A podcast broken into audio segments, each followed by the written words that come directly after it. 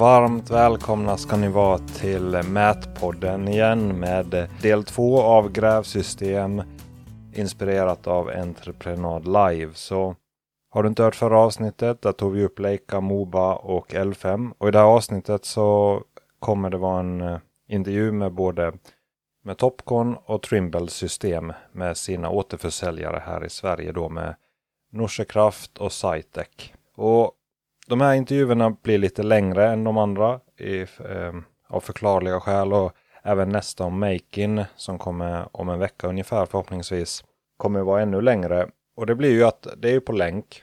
Så när man går runt där på Entreprenad Live så när man kommer fram till båsen och så så finns det ju fler som konkurrerar om tiden såklart. Så, och det gick inte att göra det live så tog det på länk helt enkelt. Så jag försöker vara så rättvis som möjligt men det blir ju lite så här att man lär sig att ställa frågorna om man hör eh, enklare att jämföra mellan det man har hört och det som är ny information. Så ja, de blir helt enkelt lite mer utförliga ju längre, ju mer tiden går helt enkelt. Men jag försöker vara rättvis. Alla får presentera sin grej. Och eh, så att man kan själv bilda sig en uppfattning. För det, det är väl en eh, risk eller lätt hänt i den här branschen. Själv drabbad av det som många andra. Att man, man hör en uppfattning och så kanske man inte tar det från förstahandskällan helt enkelt. Så här kan man höra och besluta sig själv för vad man tycker är bra och vad man tycker är dåligt och bilda sig en egen uppfattning helt enkelt från om Topcon och Trimble som grävsystem. Och i eftersnacket så blir det ingen jättedjuplodande analys av eh, de här grävsystemen. Lite lätt kommentarer om dem. Men jag Anton och framförallt jag pratar om vad jag ser som eh, trender och lärdomar från Entreprenad Live vad jag ser. Och det blir mycket om GNSS och automation och teknik generellt i, i mätbranschen och då det man ser och hur entreprenörernas teknik användning utvecklas med mätutrustning och eh, hur vi som mätare påverkas av det också. Så jag hoppas, hoppas, jag hoppas ni tycker det är lika intressant som jag tyckte det här har varit. Och ja, dela gärna med dig av någon du skulle tycka det som du tror skulle kunna tycka det här också är intressant. Har ni kommentarer så hör gärna av er. Det är mail eller LinkedIn är ju bra källor där. Jag försöker svara när jag hinner eh, och det är roligt att höra av er. Men först kommer eh, Norsekraft som är återförsäljare för Topcon system. Varsågod. Bra, nej men då har vi kommit till, ja hur uttalar man förresten? Norse, Norsekraft? Norsekraft. Norsekraft. Norsekraft Geo AB. Norsekraft Geo AB och ni tillverkar ju inte to Topcon själva men ni ju, har ju agenturen för Topcon har jag förstått och eh, säljer dem marknadsför Topcon. Så hur, ja, presentera, oj, presentera dig själv kanske och Norsekraft och lite om Topcon. Ja, Claes heter jag, Rolofsson och jag är försäljningschef på Norsekraft Geo AB i Sverige. Eh, vi jobbar ju uteslutande med Topcons maskinkontrollsystem. Vi har även en, en eh, systerorganisation som heter Norsekraft Position AB som jobbar då med deras sortiment av handburen utrustning såsom handburna GPS, talstationer, eh, ja, de, de produkterna då. Va? Ehm, ja, vi finns i hela Sverige kan vi säga. Huvudkontor i Stockholm, kontor i, i eh, Göteborg med lager och distribution och instrumentverkstad. Så ska vi uttrycka oss också. Sen har vi säljare uppe i Umeå och ehm, ja, lite mm. tekniker och sånt eh, överallt och har även ett litet kontor nere i Hör. Har vi också. Mm. Topcon då om man eh, funderar om man har grävmaskin eller så, så varför ska man köpa Topcons system? Det finns ju sex andra eller fem andra stora i alla fall här. Precis, precis. Nej, men Topcon är ju, det är ju ett gammalt företag. Eh, 1948 eh, i ja, bildades detta och eh, Topcon är oerhört stort eh, maskinkontrolldelen och det här det är egentligen den lilla delen. Egentligen så är det medicinsk utrustning så att när ni går och tittar på en provar ut era glasögon kan ni titta i den maskinen. Där står det till 90% Topcon på det. Eh, man slipar egna linser och sådana saker. Men när vi kommer till maskindelen så, så är det ju ett av världens största företag på eh, maskinkontrollsystem. Vi har maskinkontrollsystem till alla världens eh, eh entreprenadmaskiner i princip. Kan vi säga. Vi jobbar väldigt, väldigt, väldigt tätt på OEM-sida med eh, 10-12 maskin, eh, maskintillverkare inom olika eh, genrer. Eh, både grävmaskiner, det, det finns vältsystem eh, alltså, som är alltså, factory fit eh, med Topcons eh, grejer. Alltså, det är ett stort företag och eh, man har en mängd kunskap och eh, stora möjligheter. Ja. ja, men då finns det en bredd så det är inte bara grävmaskiner utan det, man kan ha allt där. Hur många installerade system i Sverige har man ungefär på grävmaskiner och så? Någon slags rund siffra som man får en uppfattning om. Ja, om jag skulle tippa lite sådär, jag har faktiskt inte direkt koll på det, men eh, vi har väl eh, bortåt en, mellan 500 och 700 om vi inkluderar eh, Digasist-maskiner på Volvo också. Okej, okay. ja. Mm. Då har vi en liten uppfattning om storleken. Du säger att det har funnits länge. Jag märker så här när man använder ett system att man kanske har testat ett system för flera år sedan och så så fungerar det på ett visst sätt då och så kanske sprider man det där. Det här funkar si och så ett tag sedan. Så om man körde Topcon 3 eller 5 år sedan eller så, vad har hänt där sen, sen dess? Om man, I utvecklingen mm. eller ser det rätt så lika ut? Eller, ja. Ja, alltså det, det är ju en av eh, egentligen Topcons starka sidor tycker jag då. Alltså att oavsett om du hoppar in i en grävmaskin eller du ska hoppa in i en bandschaktare eller någonting sånt där. Va? så ser det väldigt likt ut i hanteringen av själva eh, eh maskinkontrollprogrammet. Eh, gör det. Eh, så där känner man igen sig eh, på ett väldigt fördelaktigt sätt. Då. Alltså att det blir inte massa nya inställningar och sånt. Sen att det, det läggs till saker på grund av den olika typen av maskinen. Eller tas bort eh, om du förstår vad jag menar. Vad det, mm. man kan ha flera inställningar. Sen om man använder det för tre år sedan, ja vi har ju fått liksom betydligt mycket mer stöd här nu för rotation och tilt och sånt om man tittar på vårt nya X-system då va. Ehm, där finns ju även upp till automatik eh, på detta i både bom och sticka och allting sånt där. Så att utvecklingen gått framåt. Ehm, eh, absolut ja. gör den det. Ja, alltså det... Ja, Leica pratade om det eller också. Det var nytt för mig. Men att det, ja, du får stöd för bom och sticka. Eller att det liksom hjälper dig att tilta och eller Allt. hur funkar det? Den sköter alltihopa. Du behöver Nej. bara dra in i, i eh, vänsterspaken som jag säger så lägger du handen i, eh, i högerknät. Sen sköter eh, det alltihopa. Både tilt, rotation, bom och eh, allting och kör enligt modellen. Vi visade det i, eh, på Entreprenad Live. Ja, häftigt. Mm. Eh, hur, hur, ser systemet ut? Är det, är det fast, en fast skärm eller är det liksom en platta eller och så vidare? Hur, hur ser det interfacet ut? Ja, interfacet på våra eftermonterade eh, system då som vi pratar om huvud, huvudsakligvis här, det är ju en fast skärm, absolut. Eh, utvecklingen går mot det vi kallar Bring Your Own Device. Eh, det finns tester på det eh, och sådana saker. Det är lite begränsningar i vissa, eh, som, men det, det, kommer att komma dit hem. Mm. Inget snack om saken. sen om du kommer kunna köra liksom alla typer av system i, i en sån. För vissa har ju lite mer komplexa liksom med hydraulik och lite grann sånt. Det kan jag inte svara på idag. Uh, men eh, absolut. Och sen så är det ju så med att tittar vi till exempel i ett Volvo Digasist där vi då kör 3D MC som Topcons programvara heter. Nej, då är det ju bara en programvara som man laddar upp i en Android-skärm. Så att tekniken finns ju redan där om man säger så. Mm. Okej. Okay. När man ändå pratar om utveckling, hur, om man tänker på mjukvaruutvecklingen så man får en uppfattning, säg på ett år eller så, hur, hur ofta kommer det uppdateringar i mjukvaran?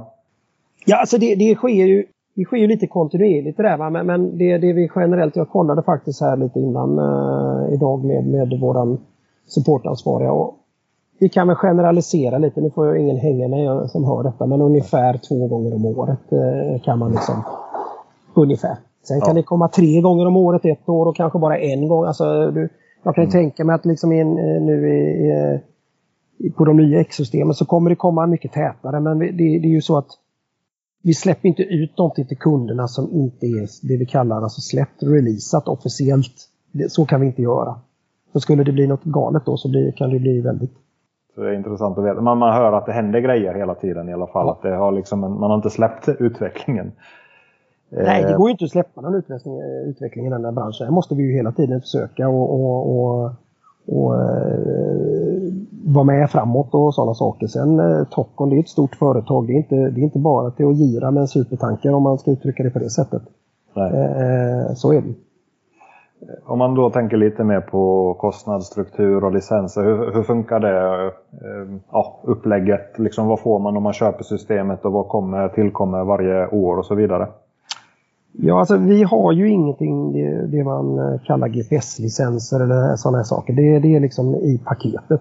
Du köper din, eh, ditt system och då ingår liksom de grejerna. Punkt slut. Liksom. Vi håller inte på med massa eh, sådana saker när det gäller eh, eftermonterade system och sånt. Mm. Och vad, vad Sen kostnads, kostnadsstrukturen liksom, eh, är ju egentligen precis som allting annat. Eh, du behöver ju ha korrigeringsdata och de här sakerna och så men nu har vi ju bakat in det i våra priser så att nu har vi ju priser som man som kund då på, ja du köper din produkt och sen har du inga övriga kostnader på tre år. Mm. Så, så, är det. Ja.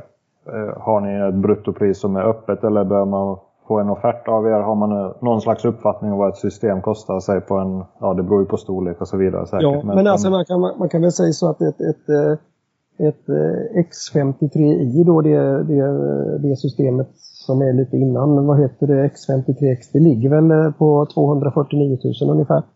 Monterat färdigt och eh, alla kostnader betalda för tre år. Ja, sen, och, det, och det är ett 3D-system? Det är ett 3D-system, fullt 3D-system. Så, det är, så är det. Vi säljer nästan ingenting annat än 3D-system. Ja. Uh, sen, sen X-systemen är väl en uh, lite dyrare men de är också upp, upp uh, uppgraderbara till automationsdel då. Va? Så att, mm. Mm. Vad, vad, betyder eh, i praktiken automation? Vad behöver, för jag, det är nytt för mig. Eh, vad, vad, behöver man göra för att få ett automatiskt? Eh, ja, du behöver ju, behöver ju sätta till ett hydraulikblock och lite grann sånt och, och trimma in hydrauliken så att det, det så det är lite jobb och sådana saker med det och det är lite uppgraderingar av, av ja, antenner och, och, eh, och sånt. Och det är en ny, nya typer av sensorer också. Men, men eh, det, det ingår ju i X-systemen de sakerna. Så att där köper man ett vanligt guidat eh, system kan man säga och sen så kan man välja till då på eh, vissa eh, fabrikat av maskiner och eh, vissa modeller som man kan få dem automatiserade. automatiserat. Hmm. Mm. Intressant. Jag måste intervjua någon som har kört en sån maskin. Ja, det, ah, fin det finns ju bara en i Sverige än så länge och den har ju eh, Söderberg och Haak. Så att, eh, okay. eh, men du kan göra en egen intervju kan vi göra med detta angående bara ja. det. Presentera ja. det, det är inga problem. Nej, men intressant. Eh, om man tänker support, det är ju viktigt. Man fastnar, man fastnar eller någonting går sönder. Så hur funkar det hos er? Ja, klassiskt. Vi har ju telefon och fjärrsupport, absolut. Eh, kunderna ringer in till ett nummer och vi svarar och tar reda på vad som är fel.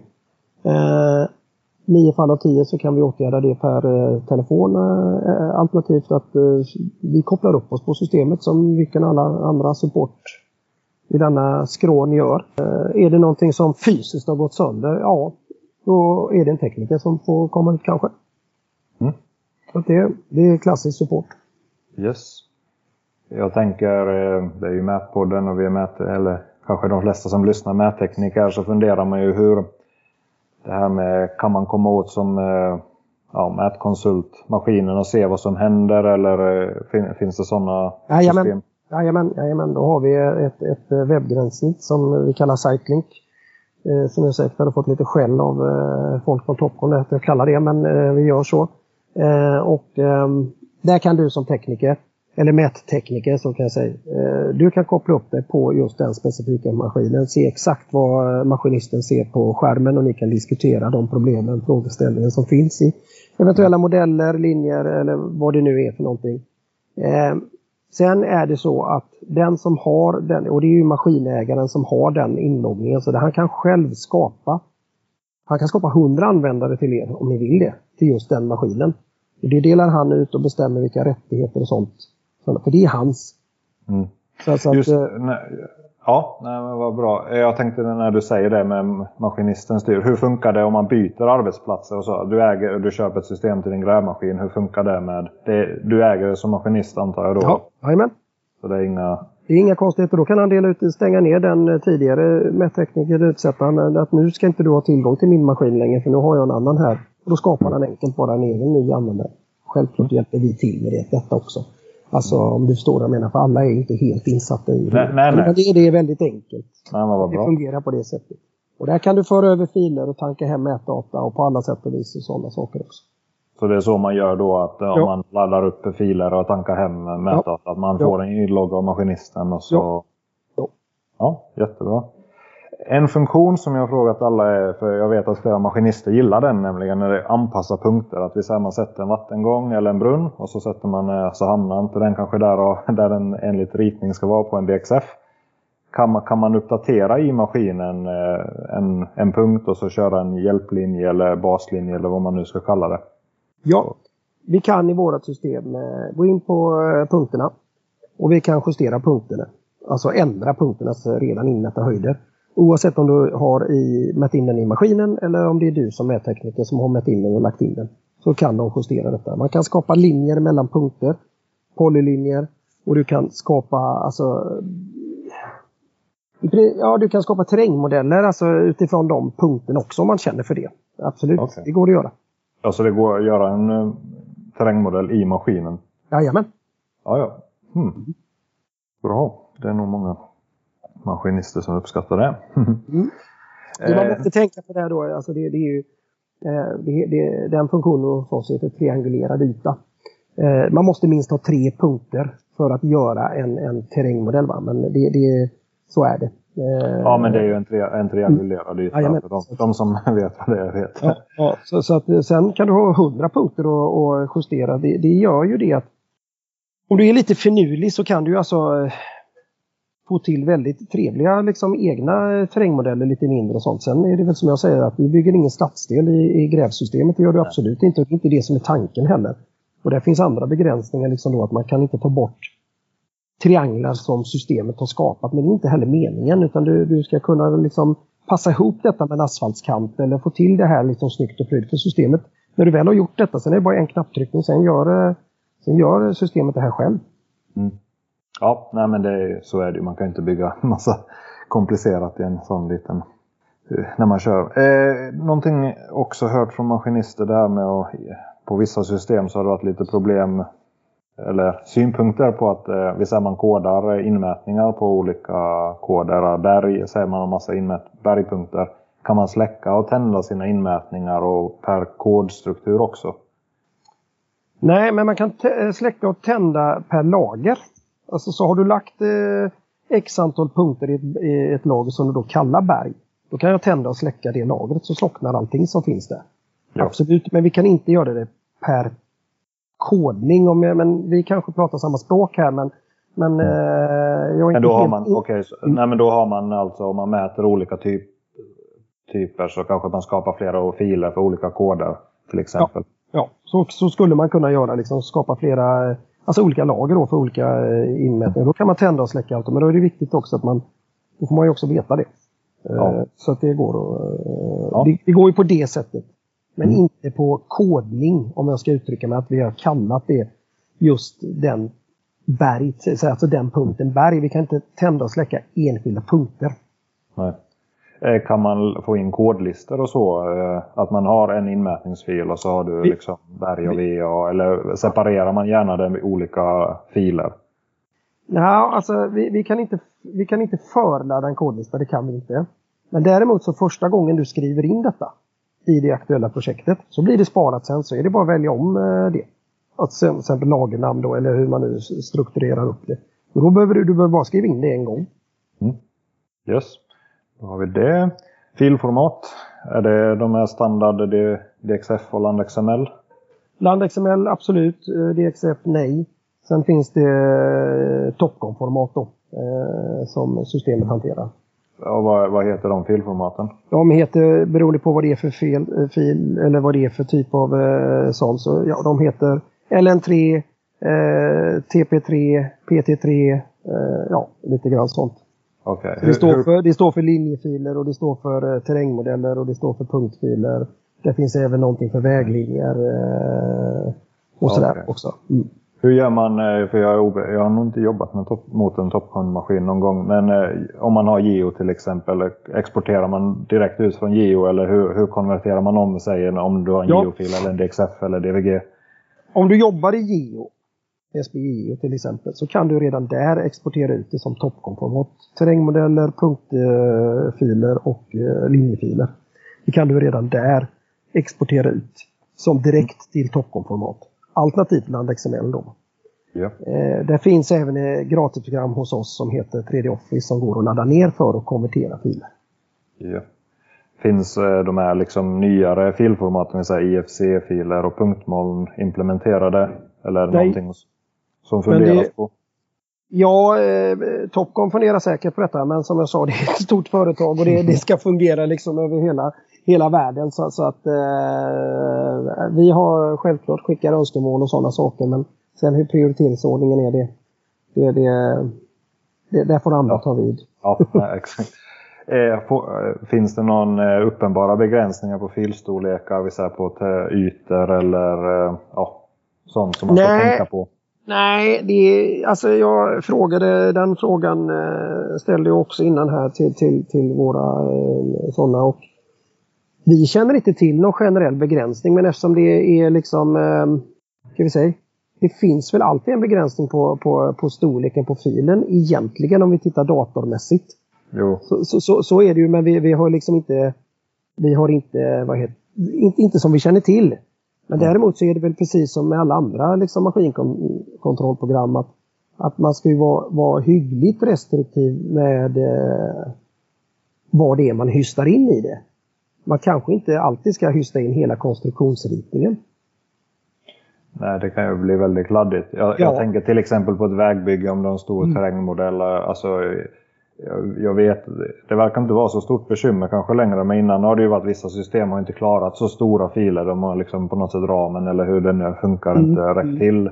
Men det verkar gå mot det här att det strömmar. Att det, det kanske tar lång tid att starta upp. Men när man väl har laddat in den så funkar det. Verkar vara liksom de flesta svar. Ja, eh, alltså som, så att det.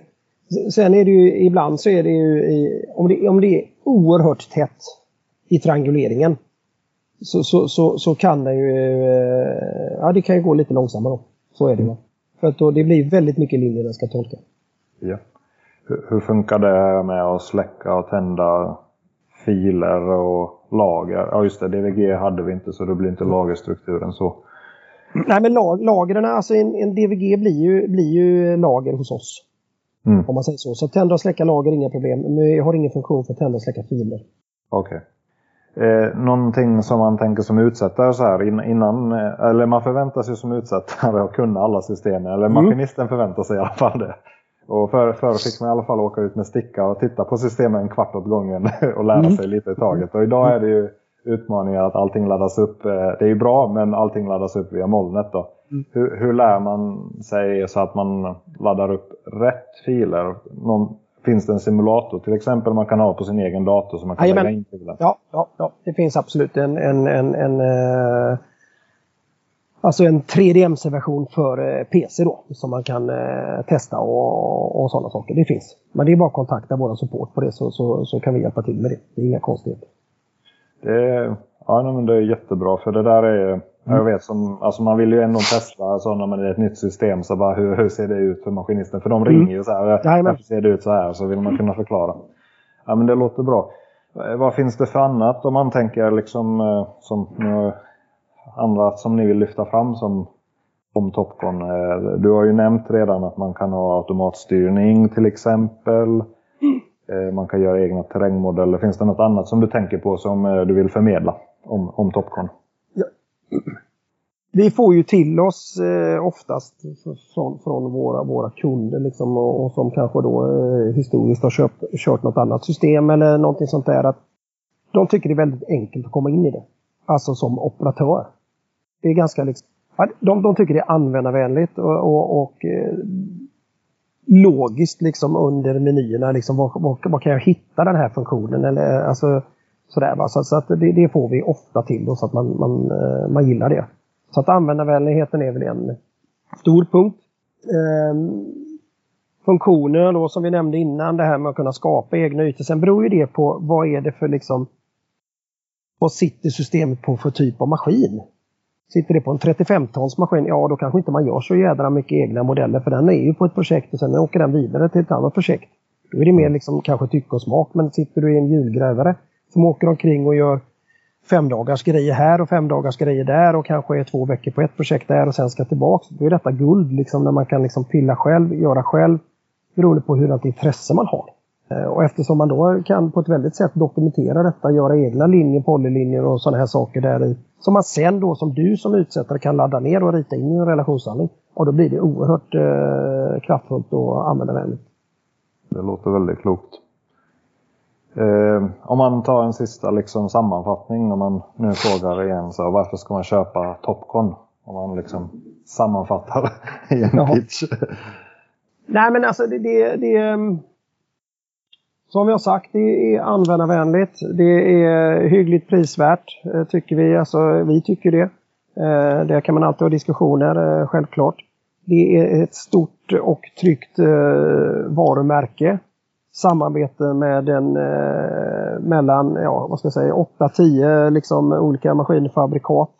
Eh, jobbar stenhårt på OEM-sidan med eh, factory-fitted eh, lösningar. Så att, eh, och det är dit som marknaden liksom också pekar på maskinåterförsäljaren. Att de vill ha in detta i maskinerna liksom, när de lämnar fabrik. Eh, där. där är Topcon oerhört långt framme. Eh, du får ett framtidssäkrat eh, system eh, uppgraderbart till vad heter det, Exus, eller till, till automation och sånt. Så att, ja, det är väl de eh, puckarna jag framförallt vill eh, liksom eh, föra fram. Tack för att du ville vara med. ja, tack så mycket för att vi fick vara med.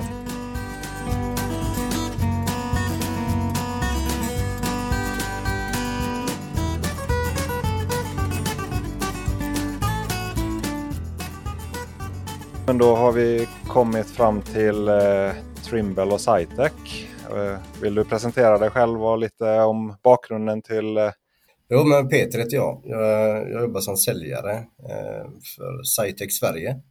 Jag sitter i Mölndal, så jag har ju Västsverige egentligen som min arbetsplats kan man säga. Jag har varit i Cytec idag och jag går på mitt tionde år. Ja, då är det erfaren i det här. ja, erfaren, erfaren. Nej, det finns ju alltid mycket att lära så att ja, det, det är spännande. Det, det, det kommer nya saker hela tiden så det, det gäller att hänga med. Mm. Och hur, hur hänger Cytec och Trimble ihop? För det är som du säger, du jobbar på Cytec men eh, det står ju Trimble på vissa flaggor och så vidare. Ja, precis.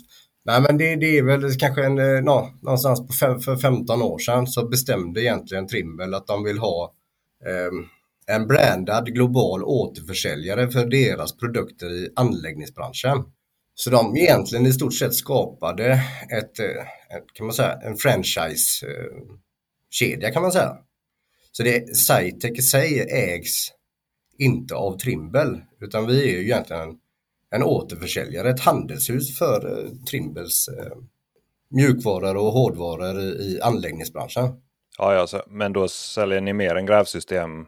Det gör vi absolut. Absolut. Vi säljer ju vågsystem och mjukvaror och manburen utrustning. Och, och, så det är också en stor del av eh, vår rörelse. Och, och eh, även mycket att, att, hjälpa till på arbetsplatserna. Eh, och vi har ju även eh, ja, drönare och rubb och stubb. Liksom. Så, ja, ja, så ni har många. Många. Ja, så portföljen är ju gigantisk egentligen. Eh, den största delen är ju på grävsystem. Eh, vi har ju mycket grävsystem här, i, eller grä, grävmaskiner här i, i ja, de nordiska länderna och framförallt Sverige. Tittar man på USA, där är det ju mer väghyvlar och dosrar än vad det är grävmaskiner egentligen. Så att, men här är, det, här är det mer grävsystem egentligen. Om man eh, säger att man aldrig har använt eh, ja, grävsystem från Trimble då. Hur, eh, hur, om, man, om du beskriver systemet, hur ser det ut? Är det en platta eller en fast enhet? Hur ser hårdvarukonfigurationen ut? Är det egentillverkat, licensierat ja. och, så, och lite övergripande? Ja men, ja, men själva grävsystemet, alltså allting byggs ju under ett och samma tak kan man säga. Det, det, det, det utvecklas eh, både hårdvaror och mjukvaror. Det gör, det gör Trimble ihop med ett bolag som heter CTCT.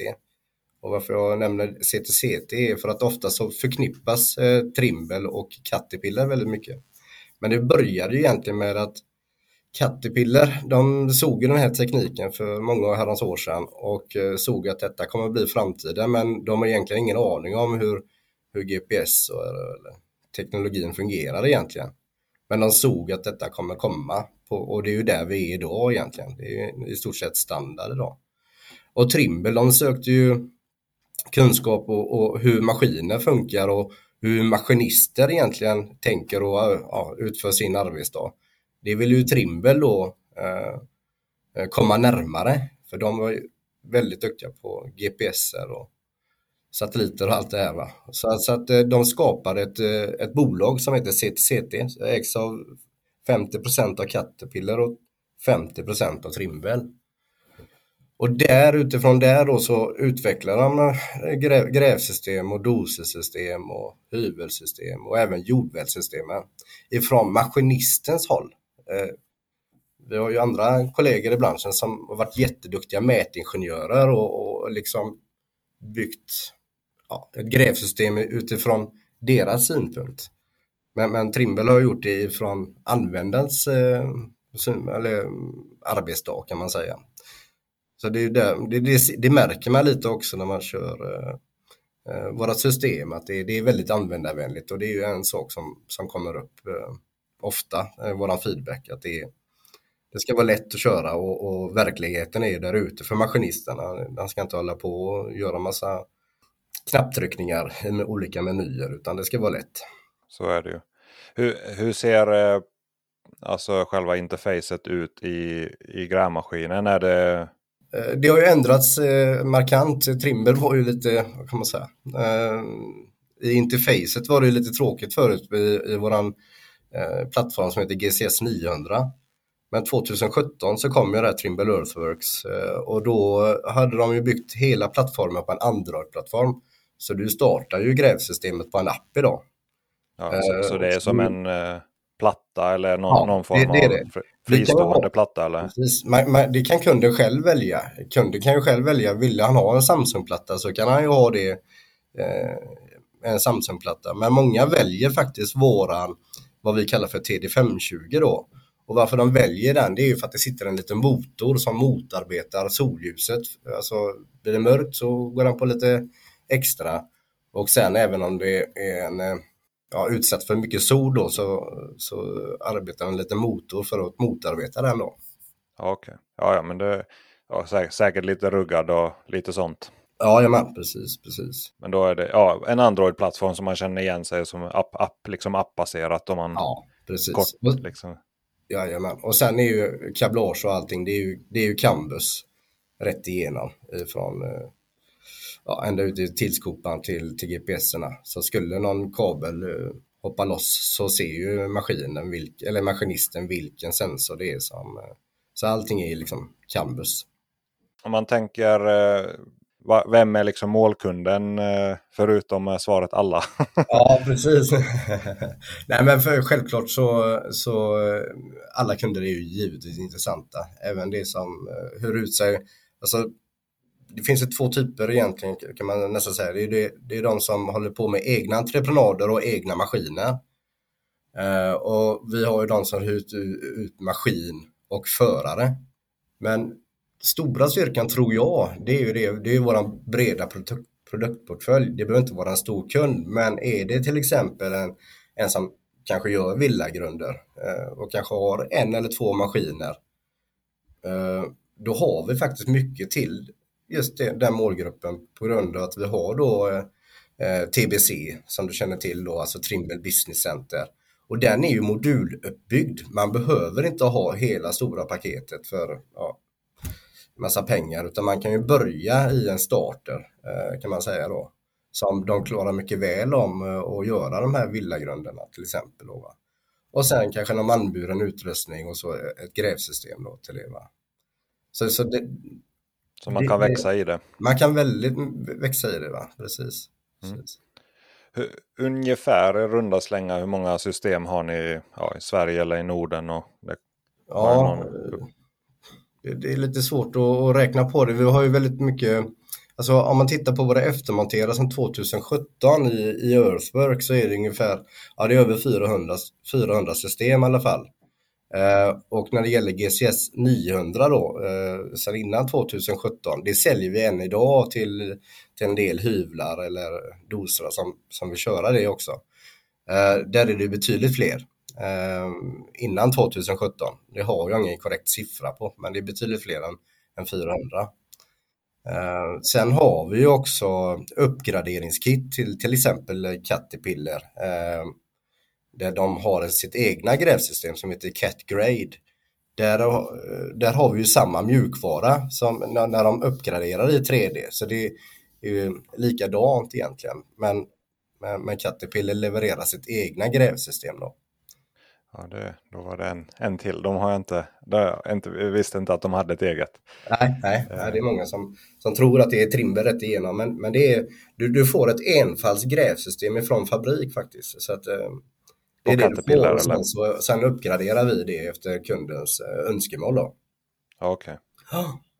Men då låter det som att eh, om man använder det för tre år sedan eller, ja, eller i alla fall före 2017 så har det hänt väldigt mycket. Ja, det, det, det har det. Och framförallt så, så, är, så är det ju eh, OEM-samarbete som vi kallar det i våran värld. Det, det är ju Trimber som eh, har olika OEM-samarbete med ja, framförallt CAT men även Volvo, eh, Kobelco och Hitachi. Det kommer ju mer och mer att, att eventuellt sitter sensorer från fabrik och så eh, eh, går det ut ifrån fabrik över hela världen och så kommer det till en Cytec-dealer. Eh, det finns ju idag i ja, 130 länder, eh, Cytec. Eh, så, så att, och där uppgraderas då efter kundens behov. Okej, okay. så, så en del. Ja, det var, det var flera som nämnde, eller, ja, alla, eller ett antal som nämnde i alla fall OEM. OEM så, ja, så, så är... det har ni också. Ja. Hur, hur ser utvecklingen i mjukvaran ut eh, om man tänker Mm. Eh, liksom med nya funktioner eller bugfixar eller vad man ska säga. Om man tänker sig ett år eh, på ett snitt, hur ofta kommer det uppdateringar? Hur, hur arbetar man med det tänket? Ja, precis. När, när Trimble släppte Earthwork för 2017 eh, Eh, då, efter det så har det kommit alltså sto, eh, fyra stycken stora uppdateringar per år eh, kan man säga. Så att eh, idag är vi på 2.5 tror jag och det började ju på 1.0 då. Eh, sen kan det ju komma mindre buggfixar, Eh, ja, det kan ju komma två per månad eller någonting sånt där om det skulle vara så då. Va? Men, eh, men fyra stycken per år har det varit. Sen om det kommer fortsätta att vara i all framtid, det, det, det, är svårt att säga. Det vet jag inte. Faktiskt. Men det är liksom aktiv, aktiv utveckling kan man ju... Det är aktiv utveckling och det ingår ju, de här mjukvaruuppdateringarna ingår ju eh, i fem år, mjukvaruuppdateringarna. Okej. Okay. För det, det kommer ju in lite på det här med licenser och så. Hur ser licensstrukturen ut? Säg att man köper ett system eh, Köper man systemet och det är liksom inbakat i priset eller är det månad, månads eller årskostnader? Hur, hur ser den liksom fördelningen ut? Och... Eh, licenser är ju, den benämningen är ju ganska bred. Jag, jag, jag, har märkt att eh, just ordet licenser, eh, det används lite på olika sätt. Har, har jag det, definitivt. ja, eh, licenser för mig, det är ju eh, vilka licenser du lägger i, eh, i mjukvaran på det du ska använda kan man väl säga. Eh, ska du köra 3D då har vi någonting som heter 3D-licens. Eh, ska du ha automatik så har du någonting som heter eh, autolicens till exempel. Och när du köper dem då har du ju dem för evigt och det är du som äger dem. Men sen har jag också märkt att licenser används till exempel för molntjänster och eh, olika supportavtal och, och sådana upplägg. Just det, det ordet licens. Eh, ibland så har jag faktiskt till och med hört att Svepos eller alltså eh, RTK-data, korrektionsdatan eh, ah, blir en benämning licens. Så det är väldigt, väldigt luddigt det där tyvärr. Ja, så är det ju. För det, det märkte jag att vissa, i vissa, när man köper så paketerar de ju allting. Man betalar liksom en kostnad och så får man med Svepos till, till exempel och support och allting. Och det är lite uppdelat. Hur, hur funkar det för er om man säger liksom Jo, men ofta så, vi märker ju det att eh, eh Svepos börjar bli mer och mer standard, alltså korrektionsdata. Förut så var det ju så att eh, många körde ju på radiomodem och då var ju det, då var det ju beställaren som skulle bistå med en basstation och då var det ju gratis. Men nu börjar ju beställarna eh, inte sätta upp några basstationer längre. Och, och, och Svepos till exempel blir ju allt vanligare. Och det, det är ju positivt också för då slipper man ja, eh, maskinägaren slipper att byta radiofrekvens varje gång han byter arbetsplats etc. Däremot så är man ju helt beroende på GSM-nätet då så att man det är lite både för och nackdelar med det. Men, men tillbaka till din fråga där, år två brukar vi säga, då, då brukar vi säga det att då, för vi har olika eh, paket kan man säga, men vi har ett supportavtal som heter standard och där ingår då fjärrsupport och telefonsupport och den här molntjänsten då som vi kallar för TCC, Trimble Connected Community, kommer även byta ett namn nu som heter Work Manager. Men det, där ingår det i, i det paketet då som man, som man eh, har per år. Då. Och, så, men, eh, och sen tillkommer det ett, ja man får ju köpa Svepos och, utöver det. Så, så man har liksom ett system, alltså en licens för eh, grävsystemet, sen ett supportavtal och så ja. Svepos. Ja. Ja. Svepos. Och det, ibland är det inte, ibland väljer de inte Svepos för då, de kanske har en egen basstation till exempel.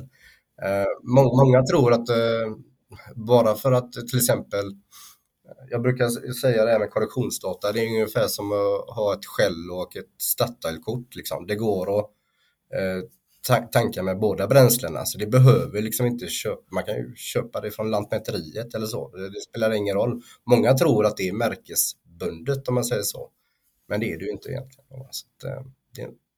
mm, nej, nej, det, det är sant att det kanske man tänker att det, man, det är märkesbundet. Men eh, om man tänker sig, ehm, vad tänkte jag där med, eh, ja, just det man kan ju fråga, har ni, har ni en typ ett bruttopris som är offentligt eller får man bara reda på priset på offentligt eller på offert eller har ni någon slags eh, sånt rekommenderat pris eller så man får en uppfattning om Ofta så, ofta så gör vi det individuellt på grund av att eh, Trimble har lite mer tillval att e-, erbjuda. Så vi har liksom inget riktigt riktpris på grund av att vi kan ju addera våg till exempel. Vi kanske kommer in på det sen. Vi kan addera autobom, vi kan addera autotilt så att vi eh, vi har liksom inget paket på det viset då. Men vi ligger ungefär på samma. Vi har ju ganska koll på våra kollegor. Men någon känd, eh, ja, alltså googla sig till det, det har vi inte någon sån prislista. Nej, nej, nej okej. Okay. Är det, hur ser ni er? Alltså, så jag frågade någon som ungefär likadant. Fråga över eller under 300 000 när man har ett standardpaket. Alltså, är ni, riktar ni på premium eller liksom vilket? vilket? Ja, men Trimble är ju premium och det vet ju de, de flesta i branschen. Så att, eh. Jo, men bara så, så ungefär så. Eh, hur, hur, funkar supporten där? Eh, vi säger man, man fastnar och så. Du nämnde kanske det när ni hade telefonsupport. Hur, hur ser det ut med support? systemet. Mm. Ja, nej, eh, vi, vi har ju ett centralt nummer. Eh, ofta så, och det, det, det finns ju för och nackdelar med det, men, men fördelen med det, det är ju att mellan 7 och 16 så, så, så är den ju alltid tillgänglig.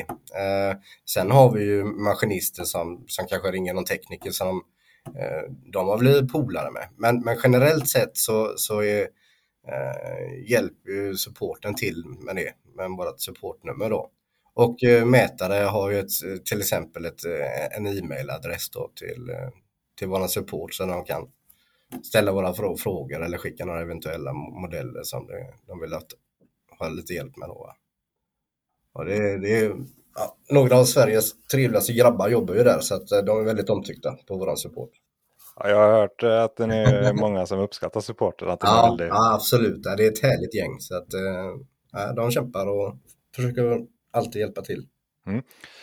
Om man tänker lite med fjärrstyrning, det är väl lite relaterat till support. Alltså om man, om man sitter i sin grävmaskin, om man är från grävmaskinistens perspektiv, kan man få kan det bli att någon som, dels ni från supporten och även kan, och så relaterat till det, kan mättekniken också komma åt skärmen? Eller hur funkar fjärrstyrning? Ja, ja nej, men det, det, det funkar eh, också för att äh, i det här supportavtalet så har man den här molntjänsten TCC och det är ju där vi använder våran fjärrsupport idag. Så, så att äh, det, det, funkar likvärdigt. Så vill en mätingenjör till exempel ha tillgång till, till de maskinerna som de ska jobba med på det projektet. Då kan vi skapa en sån inlogg till den mätingenjören så han kommer åt de maskinerna han vill göra. För där kan man ju prata lite mer där om molnet. Så, så säg att eh, ja, det, det, är molnbaserat, man behöver inte åka runt med stickor och sånt där. Det, hur, så man, hur, vem, vem hanterar den eh, molntjänsten? Är det ni som gör det eller är det maskinisten som hanterar det? Eller? Det är ju maskinägaren som äger den. Eh, vi, vi kommer ju åt den eh, och, och sen om maskinägaren vill att andra ska komma åt den så, så kontaktar han supporten eller eh, drar ett mejl eller någonting. Och då tilldelar vi eh, plattformen till de maskinerna. Då. Och ja, men då, då är det så det funkar. Man, om man är mättekniker så pratar man med maskinisten helt enkelt. Ja, precis. precis. Och det har ju lite med det här med GBD. Eh, alltså ma maskinägaren behöver ge en, en, en liten okej okay vem man delar ut det till och då gör vi det. Ja, men det, låter, det är väl rimligt. Ja, är rimligt. eh, jag har en fråga lite längre ner där men det passar väl in här i samtalet. Att, eh, för jag funderar ju som mättekniker så förväntas man ju som grävmaskinisten förväntar att som mät, mätare kan man alla system och är det något så frågar de. Och kan, kan man, har ni mjukvara så som man kan ladda hem till, till datorn så man kan lägga in modellerna och testa dem själv på datorn så att man känner att det man laddar upp eh, det funkar eller man fattar hur det ser ut? Absolut, det har vi. Våra simulatorer och det här eh, Trimber Business Center då, som eh, det går att ladda ner från nätet och, och hittar man inte det så hjälper våra supportkillar till och, och, och få igång så att den rörelsen eller det, de önskemålen som, som, eh, som, som du pratar om där eh, mm. hjälper ja, men det, ja, men det är, ja. det är bra. Det, det, det, finns liksom inga begränsningar på att det har vi inte, utan det gäller bara att ha intresset att lyfta luren och, och, och, ringa till våran support och så hjälper de till med den uppsättningen som, som, som ni frågar efter egentligen. Mm. Om man kommer in kanske lite mer på tekniska delarna, så om man börjar med filformat, eh, vilka filformat stöder ni som standard? Och, eh, ja. Alltså eh, TBC är ju hjärtat till allting e-, egentligen. Här är det som vi har pratat om, jag, jag hörde ju ditt avsnitt med med Fredrik där han jobbar ju i Trimberg Business Center. Men överlag det som ni lärare i skolan det är ju, det är ju geo. Och, och jobbar man eh, med alltså, eh, standardformat, till exempel ytan en XML och linje DXF, DFG, DVG eh, och EO och sånt, då, då hanterar Trim, eh, Business Center det. Och sen när du ska exportera ut det, antingen till ett USB eller via molnet, då gör ju den om de här eh, filerna till till exempel Earthwork då till något som heter eh, DSC tror jag den heter och, eller VCL-filer. VCL-filer det är där du har där du kan tända och släcka och så här för maskinisten då. Och i modellen ligger även koordinatsystemet så det kan liksom inte ja, eh, föraren slipper ju trycka Man in behöver inte hålla på och knappa in lokfiler och grejer. Nej, det är ju riktigt smidigt. Så det, det kanske görs lite mer på kontoret med Trimble, men desto mindre i maskinen. Alltså mindre inställningar för att komma igång om du till exempel bytt arbetsplats. Då. Men, men då är det, om jag fattar det rätt, så behöver man ha, vi säger som mätare, jag jobbar i Geo då, så skulle jag behöva ha Trimble Business Center om jag vill konvertera och ladda upp i ja, en maskinist. Det, jajamän, det är korrekt uppfattat. Men visst går det också, för jag tycker att man, man, om man inte har Trimble Business Center så kan man skicka det till er support och så fix, hjälper de till med det då. Precis. Så är det. Så är det uppbyggt. Ja, vad bra. Eh, tänker storlek filer. Vissa system har ju varit lite så att man får tänka på det. Stora vägmodeller och ytor. Att man klipper ner dem i lagom stora bitar. Finns det någon sådana, sånt man ska tänka på? Där finns det inga begränsningar. Så länge du, du har gjort eh, det till den här eh, VCL eller DSC så komprimeras det ju otroligt mycket. Så jag, jag har aldrig hört att, eh, att modellen Eh, efter vi har exporterat ut det från, eh, från Trimber Business Center att filen varit för stor. För att eh, den packas så pass väl så att eh, storlek på filer det, det har, har, inte vi problem med i alla fall. Nej, vad bra. Eh, det verkar bli ett minne blott för de flesta. Det är skönt. Ja, härligt. Tänker lite släcka, tända filer. Eh, hur funkar det? Och sen också om man har typ, ja, nu hade inte DXF, men om man har DVG eller DXF så finns det ju lager. Kan man individuellt styra lager på det sättet eller är det på filnivå? Eller hur, hur funkar det ungefärligt? Eh, efter man har exporterat ut det till en VCL-fil, eh, VCL är ju ett trimbelformat, då, då klarar du att göra det. Men är det inte ett VCL-fil till maskinen, då, då, då är det yta på yta, man säger så. Då kan du inte tända och släcka till exempel el eller VA eller någonting. Så VCL-filen, så fort, eh, så fort vi får en, en, en, eh, en modell som går via supporten, då exporterar vi nästan alltid ut i en VCL-fil. Och vi utbildar även eh, mätarna till att, till att göra det. De som gör det själva. Då. Men så det kan man få hjälp med? Sen tänker jag en funktion som eh, en grävmaskinist som påpekar till mig och, och frågar lät. Han, han, han är väldigt intresserad av det här att man, om man säger att man har en eh, brunnar och så har man dem i linjer och så sätter man brunnen kanske av någon anledning lite två meter bort eller kanske med annan vattengång. Kan man justera höjderna som grävmaskinist på plats till exempel knappa in en ny vattengång eller liksom ta en hjälplinje från den nya platsen till en annan? För det kanske man inte kan i alla system. Eh, nej, och det är någonting som vi, vi jag vet att Trimble tittar på. Eh, så jag, jag, jag, tror att det, det kommer härnäst. Eh, men idag har vi inte det. Så det ligger på, på vår wishlist. Det man skulle kunna göra det är att man går ut i vår infield design, alltså att man gör en egen modell just för det och sen mäter in det. Men i själva 3D-läget så kan du inte idag eh, redigera en, en baslinje till exempel på det sättet som man, som man frågar efter. Nej, ja, men då är det funderingar på det. Ja, ja eh, absolut. Vad bra det var väl några specifika frågor som jag har ställt till alla. Är det, om man tänker sig andra funktioner du, som ni vill lyfta fram eller som man kan göra. Jag tyckte du nämnde automation. Är det, är det liksom stöd för tilt och sticka eller? Ja, det är det ju. Eh, jag tror vi var för, faktiskt först ut med det. Och vi har, eh, där är det lite olika förutsättningar också för att eh, det finns liksom ingen det finns ju liksom ingen autopaket till en minigrävare och, och köra samma sak på en, eh, en 90-tons grävmaskin till exempel.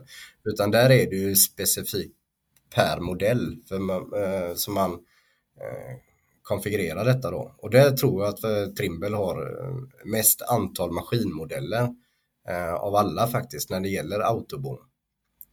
Eh, däremot så, så, tycker jag det är kul nu att, att det kommer mer och mer med autobom.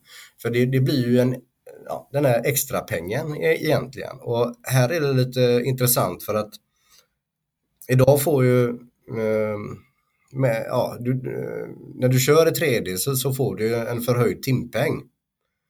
Uh, och nu måste man nä nästan börja om igen och då är det ju kanske inte mer för att du slipper mätning utan det kanske är för att du gör jobbet lite fortare eller lite noggrannare och då är det ju arbetsledare och platschefer man måste påverka ute på arbetsplatsen att, att ja, eh, har du den här funktionen till den här, jag skulle säga att du ska göra en slänt som är en kilometer lång och vi vet att det går att göra fortare för ja, eh, till exempel. Då, då, så det är lite dit vi måste komma, att, att våra kunders beställare eh, upptäcker de här funktionaliteterna 3D, eh, det, det, vet de ju då. Va? Och, och de, då ser de att de slipper eh, pinpojkar ute på arbetsplatserna. Det kommer ju mer teknik nu. Va?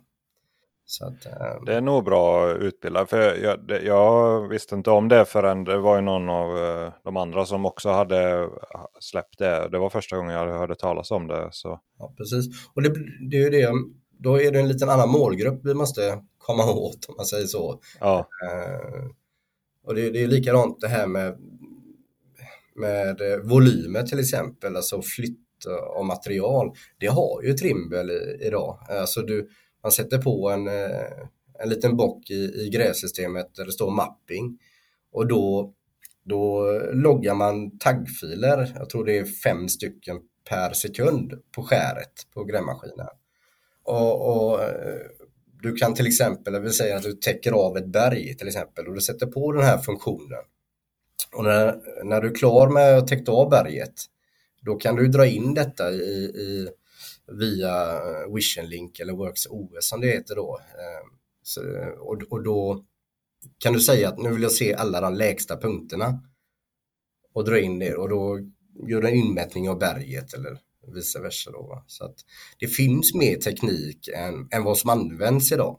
Eh, det kan man inte tro egentligen, för Sverige är ju väldigt långt fram eh, tack vare 3D, men det, fin det, det finns mer. ja, det, det kanske är att grävmaskinisten också inte allt alla är inte lika nyfikna på att testa som in, inmätning och kodning. Att man kan göra nästan man kan göra otroligt mycket men att man kanske inte alltid nyfiken på det. Men jag tänkte där inmätning, för det var en fråga också just det, för det hade jag där. Kan man släcka och tända per kod inmätning? Det vill säga man mäter in i ett projekt, kan man eh, Alltså man mäter in berg och VA och sådär och sen vill man, nu vill jag inte se de där alla tusentals eller hundratals ja. bergpunkterna. Ja precis, du kan ju lägga, du kan ju lägga dem i olika mappar, till exempel el eller VA. Du kan lägga dem i olika mappar kan du göra, absolut. Och redigera och vice versa. Ja, bra. Eh, är det något annat som du tänker på som eh, som du vill lyfta fram som, som eh, Trimble är bra på? Eller, eh, ja, liksom... det, jag vill nog lyfta fram vågsystemet framför allt. Men där är ja, just det. Vad, vad, betyder det i praktik? Att du kan väga liksom, du, hur mycket du lastar på grävmaskin? Eller? I, I storstäderna till exempel Stockholm, Göteborg eh, och, och en hel del nu nere i Malmö. Där har det ju varit en stor, till exempel Västlänken. Där är det ju så att eh, det är inte överlassen som eh, är problemet utan det blir ju underlassen för eh, de vill inte ha eh, en bot helt enkelt. Så med den här integrerade vågen så kan du samtidigt som du kör eh, din terrass till exempel, då har du även ett vågsystem så du optimerar varje lass. Så det, det, det är väldigt populärt, framförallt då mellan 25 till 35 tons maskiner som håller på med utlastning. Då. Ja, ja, så du får rätt, eh, rätt lass hela tiden, alltså eller rätt vikt. Jajamän. Och så det finns ju... för grävmaskiner alltså? Ja, det gör det. Och vi har ju eftermonterat många, men då har det varit ett rent eh, vågsystem. Så det har ju suttit parallellt med, ja, det kan ju vara ett Trimble eller något annat också. Eh, men nu med det här Earthwork så har vi det integrerat, så du får ju upp i, eh, i, i mjukvaran när du kör grävsystemet så kan du välja där eh, och, och se vågdatan, om man säger så. Då, va? Så det, ja, det är riktigt bra. Eh, ja, det, det är stora, också, stora projekt måste det ju spara jättemycket ja. pengar. Att man, inte, man vill inte lamna, landa på överlast och så drar man fem ton för lite. Det är väldigt vanligt. Det väldigt vanligt. Och sen så är det ju, jag menar till exempel lera, det kan ju väga, ena dagen kan det väga så, andra dagen så. Så att det är inte helt lätt. Och så ska de ut till Vårgårda och vända med lastbilen så hinner man ett eller två last på dagen. Precis. Ja. Ja, Men så vågsystemet är någonting som kommer starkt. Det är, hmm. det är ju väldigt bra. Hmm. Ja, det var, det var intressant. Mm. Så om man, om man sammanfattar det, liksom lite en kort så, samma, samlad upp, uppfattning. Varför ska man köpa Trimbles grävsystem från er då? Alltså vem, vem är, vad är slutpitchen? Slutpitchen är ju att vi har, vi har idag har vi en jättestark eftermarknad eh, kan jag tycka. Så de, de gör ett jättejobb och den har väl blivit väldigt, väldigt uppskattad, vår eftermarknad. Det har, det, det har eh, tagit några år att bygga upp där. Vi har ju inte funnits i Sverige så många år. Eh, ja, startade 2011, 2012. Och det har varit eh, det har varit, det har vi kämpat på. Nu känner vi att vi, vi är i mål där. Så att, och det, våra kunder uppskattar verkligen det. Och sen återigen då att, att det är ett användarvänligt system. De ska, de ska gräva och styra lastbilar och, och köra. Det ska inte vara massa kludd. Eh, utan eh, det ska vara tuta och köra för maskinisten, ingenting annat. Bra. Tack så mycket för att du ville vara med. Ja, tack själv. Tack själv.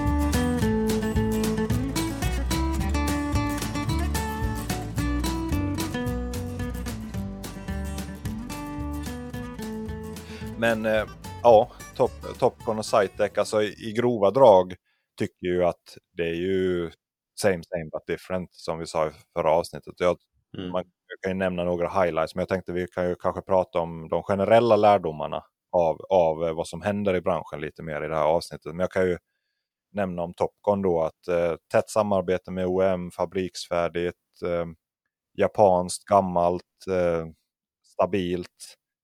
Det, det händer mycket men inte lika mycket som på andra fronterna i utvecklingen. Men de har ju väldigt koll på de viktiga grejerna. Automatiseringen, att du har den här automatstyrningen. Helt enkelt att du behöver inte köra med högerhand, använda högerhanden i grävmaskinen. Eh, det trycker de ju på då. Att eh, ja, automatsystem helt enkelt. Att du hydrauliken och eh, grävsystemet sköter både tilten, rotorn och stickan. Så du kan mm. dra väldigt enkelt. Otroligt prisvärt. Det var billigaste bruttopriset som någon av leverantörerna sa. Så, och Topcon det är ju jättebra grejer. Så ja, på något sätt känns det som de billigt och bra. Ja, kanske inte liksom super eh, snabb utveckling men samtidigt om man har ett bra system som har de viktigaste funktionerna och eh, som följer med de viktigaste utvecklingarna. Ja, då är det väl bra det. Mm. Enkelt att göra egna modeller. Det tyckte jag, jag tror där mindre företag, alltså vi säger som på motorvägsbygge och så, så spelar det inte så stor roll. Du får ju allt från mätkonsulten eller den ansvarig mätare då. Men att om du kör hjulgrävare, små projekt liknande så är det ju jätteviktigt att kunna göra, bygga egna modeller och egna trianguleringar. Du mäter in en grushög, du tittar på plats. Okej, okay, de fyra hörnen blir bra. Mäter in dem, boom, du har en triangulering på en yta och så kör du på den. Så att jag tror därför en ensamföretagare eller min, mindre entreprenörer jättebra funktion. Och så. så det var Topcon tyckte jag. Några highlights där och Cytec. Ja, de kör ju sitt race, det är ju Trimble. Seriöst, utveckling, de hänger med. Funktionerna finns där som man förväntar sig. Men det är ju Trimble, det är ju TBC, det är ju sina filformat eh, som man måste konvertera om i ja, bra system. Det jag tycker eh, som vi kan prata om då är ju att eh, vi pratar, jag pratar med Peter mycket om eh, där de, han tog upp också det här med automationen som de är förberedda för och finns. Och integrerade vågsystem och det här att det finns teknik men grävmaskinister inte utnyttjar den. Så vi kanske kan prata om det i det här avsnittet Anton. Mm. Du, vad har du för intryck av det här om man bara tänker grävsystem som generellt? Det, nu pratar vi om nya funktioner och vad kan man göra och så vidare. Men vad, hur, vad tror du, hur, vad har du för uppfattning om hur ser det faktiskt ut i verkligheten? Använder grävmaskinisterna det? Det som finns redan? Ja, eh, alltså de erfarenheterna jag har är väl att det finns, det finns ju mycket mer funktioner än vad, än vad grävmaskinisterna använder egentligen. Så att ja, just inmätningen och, och, och det, det, ja, det har jag nästan inte varit med om att de använder. Men det har ju funnits väldigt länge. Liksom. Ja, alla har ju inmätning och haft mm. länge. Och mm. Visst har man kunnat, det här med att kontinuerlig inmätning, eh, Peter pratade om det, att de har det på Trimble, men jag vet Leican har ju haft det länge, att man liksom automat, in, automat, kontinuerlig loggning så att du får med dig och sen kan får du ta med dig de låga punkterna. Men mm hur många gånger får man en sån inmätningsfil? Nej, nej man står ju där nere förbannat i, i graven och mäter. Så att... och mäter berg och... Ja. Så är det ju. Och det, och det där är väl en konkurrensfördel då om man är som grävmaskinist eller vill ha ett tätare samarbete som mätkonsult. Det är ju lära maskinisterna vad man kan göra och bara upplysa om möjligheterna att göra. Ja, ja verkligen. För där, där har man, sitter man ju på en, en unik roll. Men en, det är en särskild roll som mätkonsult är ju att du ser ju olika företag, hur de jobbar, vilken teknik har de, vad, vad verkar funka bra, vad verkar funka sämre man är i en unik sits där helt enkelt att kunna se vad som händer och då kan man ju om man vill tillföra värde så kan man ju som mätkonsult så är det ju bra att tipsa om grejer. Att har du tänkt på det eller ja, att man har en trevlig ton och så kan man ju prata, ja, hur gör ni där? Och, mm.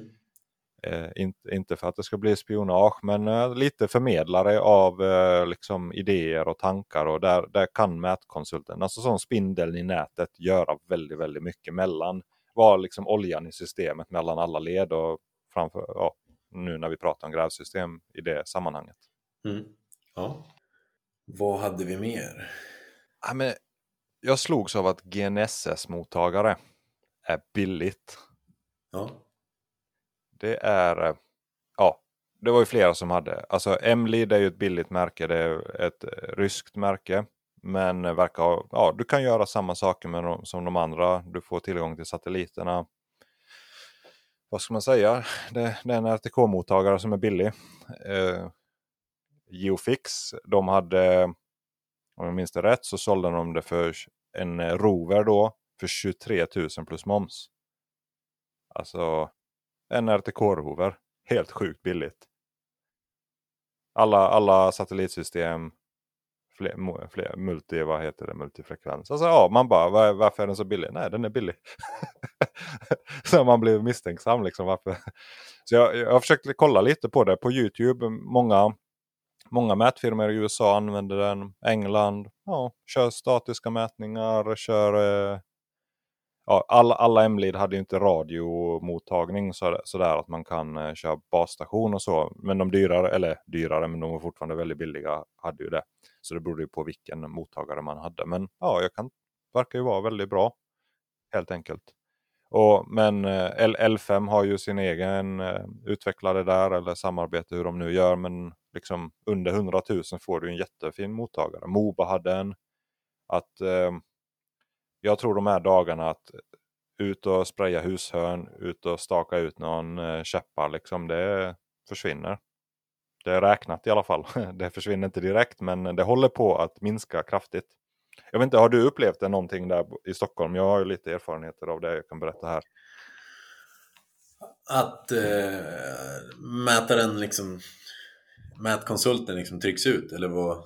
Ja men alltså den känns, alltså liksom har du sett att entreprenörer mm. skaffar sig GNSS-mottagare och liksom att de gör en del av mätjobbet som kanske mätkonsulten tidigare har gjort? Har du liksom någon slags eh, intryck ja, av det? Ja men det har blivit lite mer att eh, liksom entreprenörerna ger en GPS till en, eh, en yrkesarbetare eller något och liksom tryck på den här linjen och, och sen gör det som den som den säger liksom.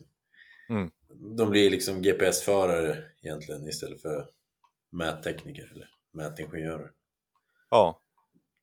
ja men jag, samma sak här liksom. att Jag tror, är du mät, jobbar du som mätkonsult och är GPS-chaufför om vi får kalla det så. Du kan ju vara totalstationschaufför för den delen också. Det är ju mer eller mindre samma sak. Om du, ja. har, ett, om du har ett bruksnät eller byggplatsnät och så vidare. Mm det, det, det, är ju enkelt jobb. Du lär dig det på några dagar utan problem. GPS är en, ja, du, det tar inte en timme att lära sig att använda funktionerna. Du, du behöver ju, begränsningarna behöver du lära dig lite mer om, men att mm. funkar det så funkar det. Ja, precis. Och till exempel, jag har ett jobb som jag gjort nu, hjälpt eh, göra filer på. Och jag dels projekterat en total, lite mindre totalentreprenad och eh, gjort filer. Men den här entreprenörsfirman, de har ju en GNSS-mottagare själva och de har maskinstyrning. Vi har inte satt ut grovutstakningen, vi har inte eh, satt ut för bergsprängningen, eh, VA-schakterna, ingenting.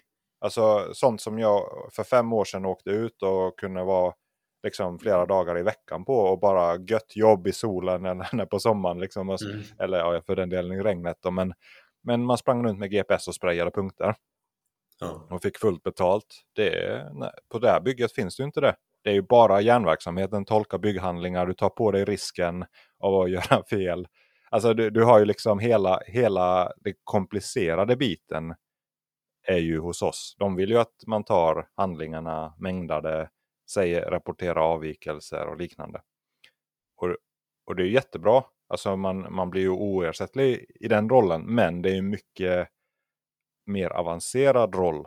Så att den här enklare GPS-chauffören som du kallar det.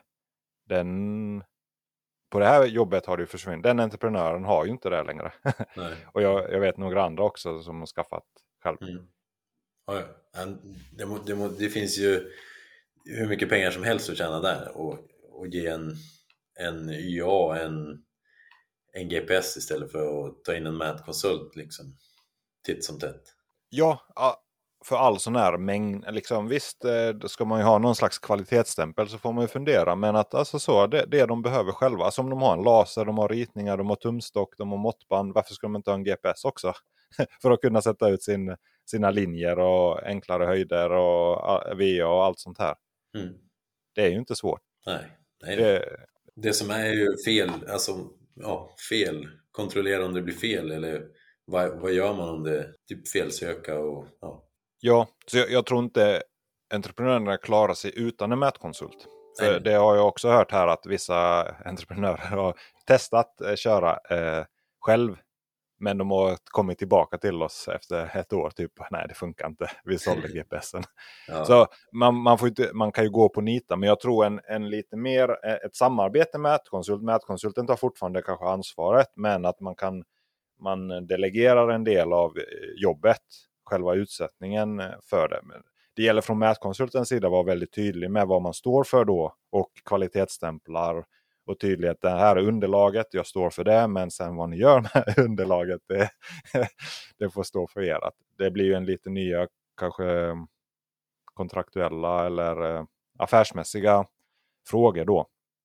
Men jag tror utvecklingen är oundviklig. Jag, jag lyssnar på um, Geoholics, en podd på engelska om mätteknik från USA. Jag tittar på en kanal på Youtube eh, som pratar om mätteknik. Det var en lantmätare där och bägge pratar om det här att det, byggena går mot det.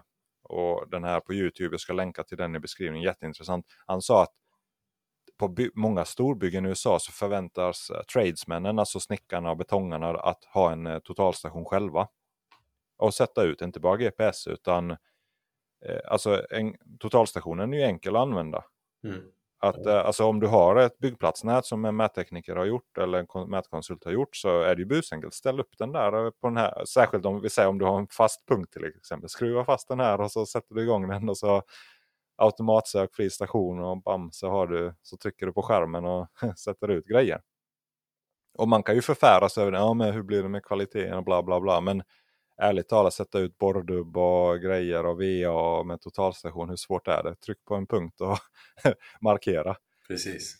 Och, och han, han visar också i den filmen, eh, Hilti har en, eh, det är som en robot för eh, att borra i betong. Och det är som en liten eh, personlift kan man väl kalla det. Typ sån en och en halv meter lång och kanske 60 centimeter bred grej som, har, som kan höja och sänka sig och en robotarm som har en slagborrmaskin och en eh, sprayflaska integrerad i sig. Och det är inte att man styr det med fjärrkontrollen, vilket man också har kunnat tidigare. Men här hade de en Hilti totalstation och det var en, eh, han sa att han trodde det var brandat från Trimble då, alltså det är Trimbles totalstation. Men Hilti-brandad totalstation som är kopplat till den här roboten som i sin tur, en arbetsledare bara, liksom trycker om jag vill ha den punkten borrad och så åker roboten dit på ett eh, fritt betongvalv då. Eller, eller ja, gjutet, gjutet plan och så borrar det ju under taket liksom och sen kommer montören och hänger upp grejerna. Alltså ja, det, totalstation är Alltså varför, varför ska inte en entreprenör eh, lägga 20-30 eller ja det var dollar då, men 200-300 000 på totalstation. Mm. Och så bara lära sig använda det. Precis. Det, så jag, liksom, de här närmsta 5-10 åren kommer det, det, där kommer bli en jättestor förändring. Mm. Ja. Och le, är ens huvudsakliga levebröd att slaska ut punkter eller ja. För, men liksom. så det är i alla fall som individ. Alltså företaget kommer ju hela tiden utvecklas. Men jag tror som individ om du vill hänga med i löneutvecklingen, kompetensen, känna att du har ett arbete och värderad som medarbetare så gäller det att liksom hänga med där och fundera. Kan, kan jag etablera ett byggplatsnät? Kan jag min felteori? Kan mm. jag liksom ta det till nästa nivå? Att hantera filerna, att, eh, tolka ritningarna, ta fram grejerna, ta fram underlaget, visa entreprenören så här gör du. Och vägleda dem att man, man, man liksom får ta ett skutt upp i värdekedjan. Mm. Det, blir, det, blir, det blir spännande att se vad som händer mm. fem, fem år framåt. Liksom. För det komplicerade just nu är det ju, det är ju den här länken mellan teori och verklighet. Alltså projektörerna blir ju längre och längre bort från verkligheten. De mm. kanske aldrig besöker en byggarbetsplats. Yrkesarbetarna är ju verkligheten. Alltså mätaren, mätkonsulten är ju i mitten där och ska översätta det där. Och den rollen kommer ju vara viktigare och viktigare hela tiden. Alltså det här med BIM-samordning, ritningssamordning, granskning. Fatta vad, vad behöver man flagga för vad behöver gå till projektören. Vad kan man lösa på plats? Entreprenadjuridiken, kontraktuellt. Alltså det blir, alla de här frågorna blir ju mätkonsulten expert i. Mm. Och eh, det är ju där man tillför värdet också. Ja. Så jag, jag kommer nog prata mer om det där. Jag har pratat lite på telefon med folk här. Mm. Så, ja det, eh, det är ju riktigt intressant. Alltså. Mm. Så, så det, det, det, men det, det fick jag med mig också från Entreprenad Live. Alltså när man ser att alla säljer billiga GNSS till entreprenörer. Mm. det, ja, men du hade ju plattor också. Det, det, L, eh, L5 hade ju det och det var, fanns någon annan också. Men som en, eh, en iPad med en liten, eh, en Bra. liten antenn helt enkelt. En liten grej som var kopplad. Och den hade också, eh, alltså det är ju samma, RTK, alltså det är samma chip. Mm. Så visst, du får ju positioneringsosäkerheten lite mer. Alltså vart sätter du din iPad? liksom, Mm. Du kan inte definiera punkten på samma sätt och det är en lite kortare antenn och så vidare. Men det är ju samma upplösning. Du har ju alltså i alla fall inom 10 cm, men 5 cm.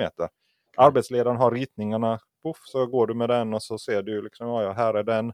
Det duger för att grovschakta. Ja, ja. Så det är- alltså, det GNSS, det kommer, all, alla kommer ha GNSS. Så läser man om nu om man tänker Apple och alla de här så det, det, om några år så finns det ju ett eh, RTK-chip tror jag, eller kanske inte RTK, men alltså no, en noggrann GNSS-mottagning i telefoner som anläggar. Ja, så du kommer liksom på, säg på 5 cm eller 10 cm åtminstone utan vidare kommer det finnas inom några år. Och om du lever på att sätta ut 5 cm noggrannhet idag så kan du räkna ut vad som händer. Så det, det tyckte jag var en jätte, jättestor eh, stort intryck där som jag har tänkt på en hel del då, på, Mm. under de här veckorna. Ja, verkligen. Men det, det är lite intressant också hur, hur billig kan en GNSS bli liksom innan man ifrå, börjar ifrågasätta ja, men det, måste ju vara, det måste ju hålla en viss kvalitet och, och, och om du köper den för 5000 liksom om några år. Vad, ja. Ja, nej, jag, jag vet inte. Det hade ju varit väldigt intressant att ha haft en sån Emlid till exempel och kört lite tester och sånt där. Mm. Men samtidigt är det ju ett chip, ett chip. Det är väl det som är med datorerna. En uh, supermegadator för eh, 50 år sedan kostade ju liksom en stadsbudget och var stort som ett hus. Och idag så har du hur avancerade datorer i telefonen. Att, så har du ett chip och en fabrik spottar ut chip och du, utvecklingskostnaden är betald. Så vad, vad är liksom då kostar det inte. Det är ju en plastbit, som, alltså en IP67-klassad plastbit som har en knapp på sig och ett batteri och ett litet chip. det är ju inte så mycket. Så att när, det, ja, när man får ju se. Alltså, som, som sagt, jag kanske nämnde det i något avsnitt, men på LinkedIn från eh, England så var det ju någon eh, återförsäljare för instrument som bara liksom första GNSS-mottagaren komplett under 1000 pund. Alltså ja, 12-13 000 spänn liksom. Okej. Ja, det, det, ja, det är ditåt det går. Det kom, och det, som sagt, alltså, ja, kla, klart byggkvalitet och allt sånt här. Men chip, chip är chip. Kan centrera, Ja. centrera det, den där fas, vad, vad det nu heter, fasen rätt. Och, och det, alltså det måste ju bli, man är ju van att kvalitet kostar, men ja, vad kostar om man förstår ju, totalstationer är ju lite mer, det är ju optik, det är ju supernoggranna grejer. Men ett chip är ju bara, den ska ta emot signal från satelliter på det sättet. Nu är jag inte någon expert, men alltså det är ju inte samma, du har ju inte samma liksom, tillverkningstoleranser på det sättet. Utan det är ju någon, liksom en, en mycket mindre del som behövs helt enkelt. Ja. Så du kan ju pressa kostnaden. Ja, det, är, det är intressant, helt klart.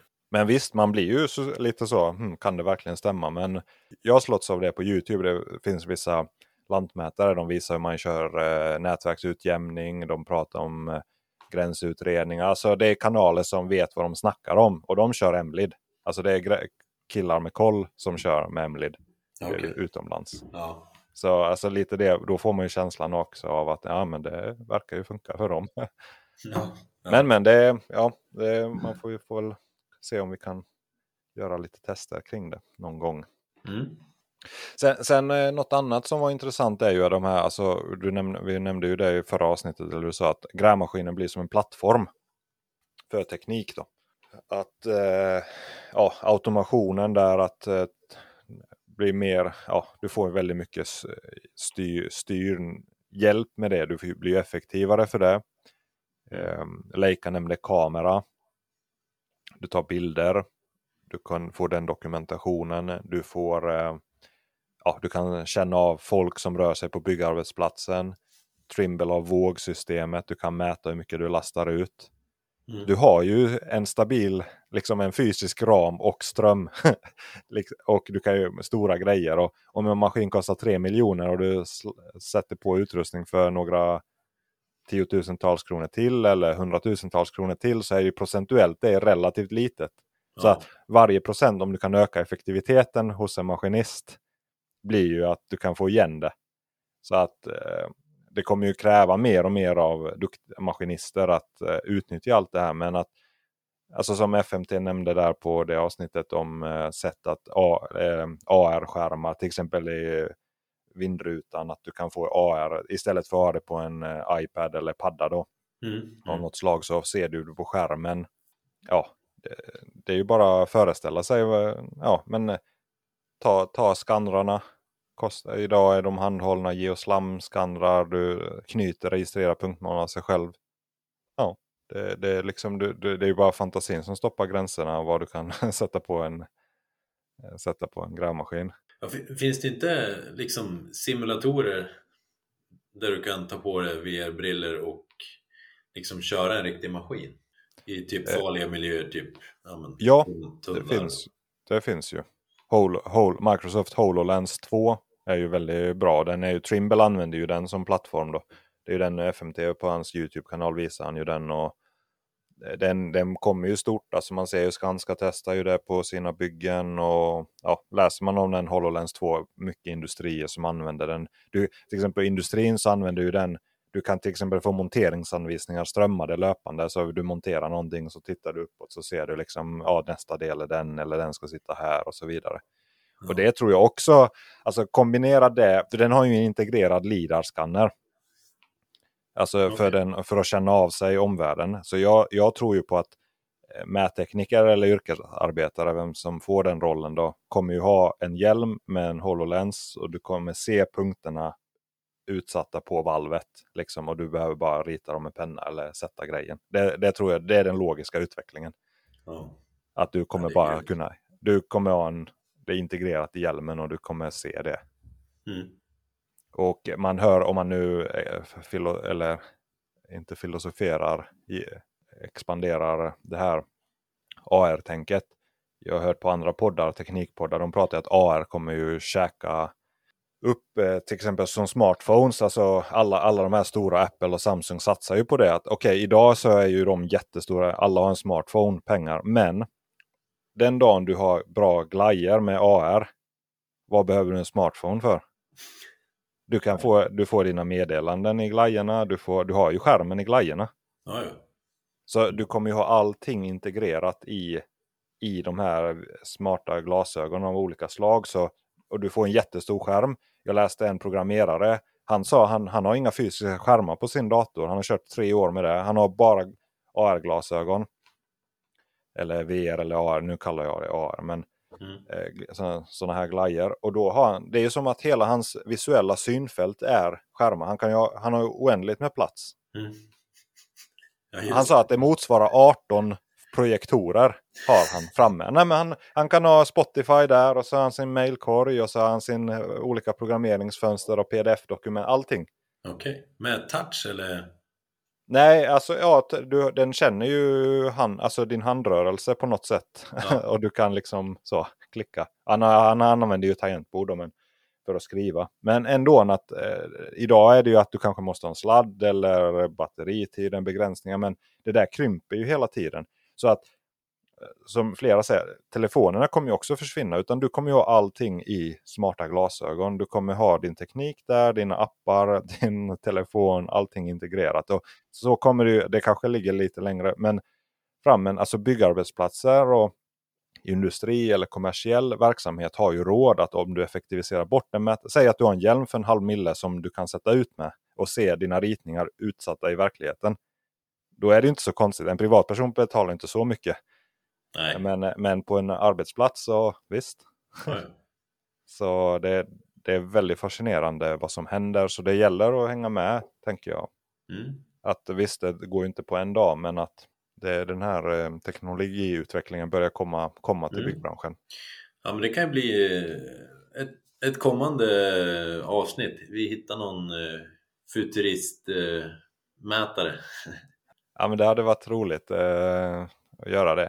FMT har ju mycket av det här redan. Alltså, nej, men han kör ju Sightlink och han kör HoloLens och man kan se det. Men, men det hade varit intressant, kanske något utvecklingsprogram som någon har. Så har ni kopplingar eller känner någon typ som testar sånt här i antingen universitetsmiljö eller ute i produktion. Typ, jag vet det finns ju de här stora entreprenörerna, Skanska och Veidekke och de här stora grabbarna. De har ju lite resurser för sånt. Så det hade ju varit väldigt kul att höra vad som händer där. Verkligen. Gräv, grävsystem till futuristtänk. men, men visst är det på samma, ja, det är ju på samma liksom spår att grävsystemen är ju ett, ett auto, alltså ett system som automatiserar och hjälper och eh, visualiserar en, eh, en 3D-modell som det egentligen landar i. mm. ja. Så det är en fascinerande tid att vara i branschen på. Verkligen. Så ja, det är väl, eh, jag tänker det är lärdomarna. Så nästa avsnitt som kommer nästa vecka då hoppas vi. Det är om Makin då. Vi kommer, de kommer att presentera sin grävmaskinsystem. Men så pratar vi också om deras, de är återförsäljare för Geomax och lite annat också. Så vi kommer prata kanske lite om det och an, andra. Så, men eh, då har vi haft ett avsnitt då. Nu har vi presenterat fem av sex och så nästa vecka kommer den sista av de här st stora grävsystemsleverantörerna kan man väl säga. Det blir grymt.